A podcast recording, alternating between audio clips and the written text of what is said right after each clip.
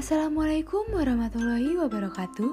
Hai, kembali lagi dengan saya Silva Meiza dari Program Studi Pendidikan Kewarganegaraan Universitas Pendidikan Indonesia. Di sini, saya akan menambahkan jawaban dari kelompok 4 atas pertanyaan saudari Nurul yang bertanya dalam diskusi mata kuliah ilmu kewarganegaraan. Sebagai fasilitator, guru memiliki peranan yang penting dalam menyajikan materi pembelajaran setiap harinya.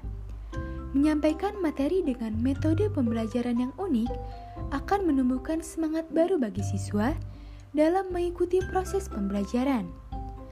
Adapun upaya-upaya dalam mengatasi hambatan yang dialami guru dalam mewujudkan kelas sebagai laboratorium demokrasi. Di antaranya, pertama, upaya peran guru dalam memahami siswa dan berperilaku secara demokratis.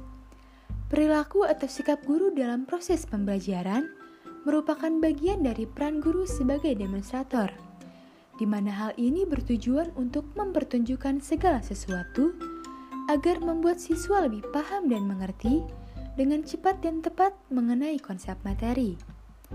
Menurut Wina Sanjaya pada tahun 2008, terdapat beberapa konteks dalam memahami peran guru sebagai demonstrator, yakni guru sebagai demonstrator berarti guru harus menunjukkan sikap-sikap yang terpuji sebagai contoh kepada anak didiknya.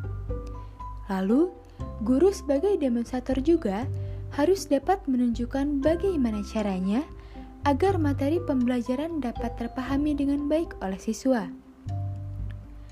Adapun contoh pengaplikasiannya, seperti guru sering memberikan motivasi kepada siswa untuk meningkatkan semangat belajar, menghargai dan menerima setiap pendapat atau gagasan siswa, bersikap terbuka, serta mengajarkan sikap untuk saling menghormati dan toleransi kepada setiap siswa. Guru juga dalam membawakan materi pembelajaran harus bisa memancing siswa untuk berani berpendapat maupun bertanya dalam pembelajaran di kelas. Dan yang terakhir, guru mempunyai fungsi dan peran dalam membumikan nilai-nilai demokrasi di dalam kelas.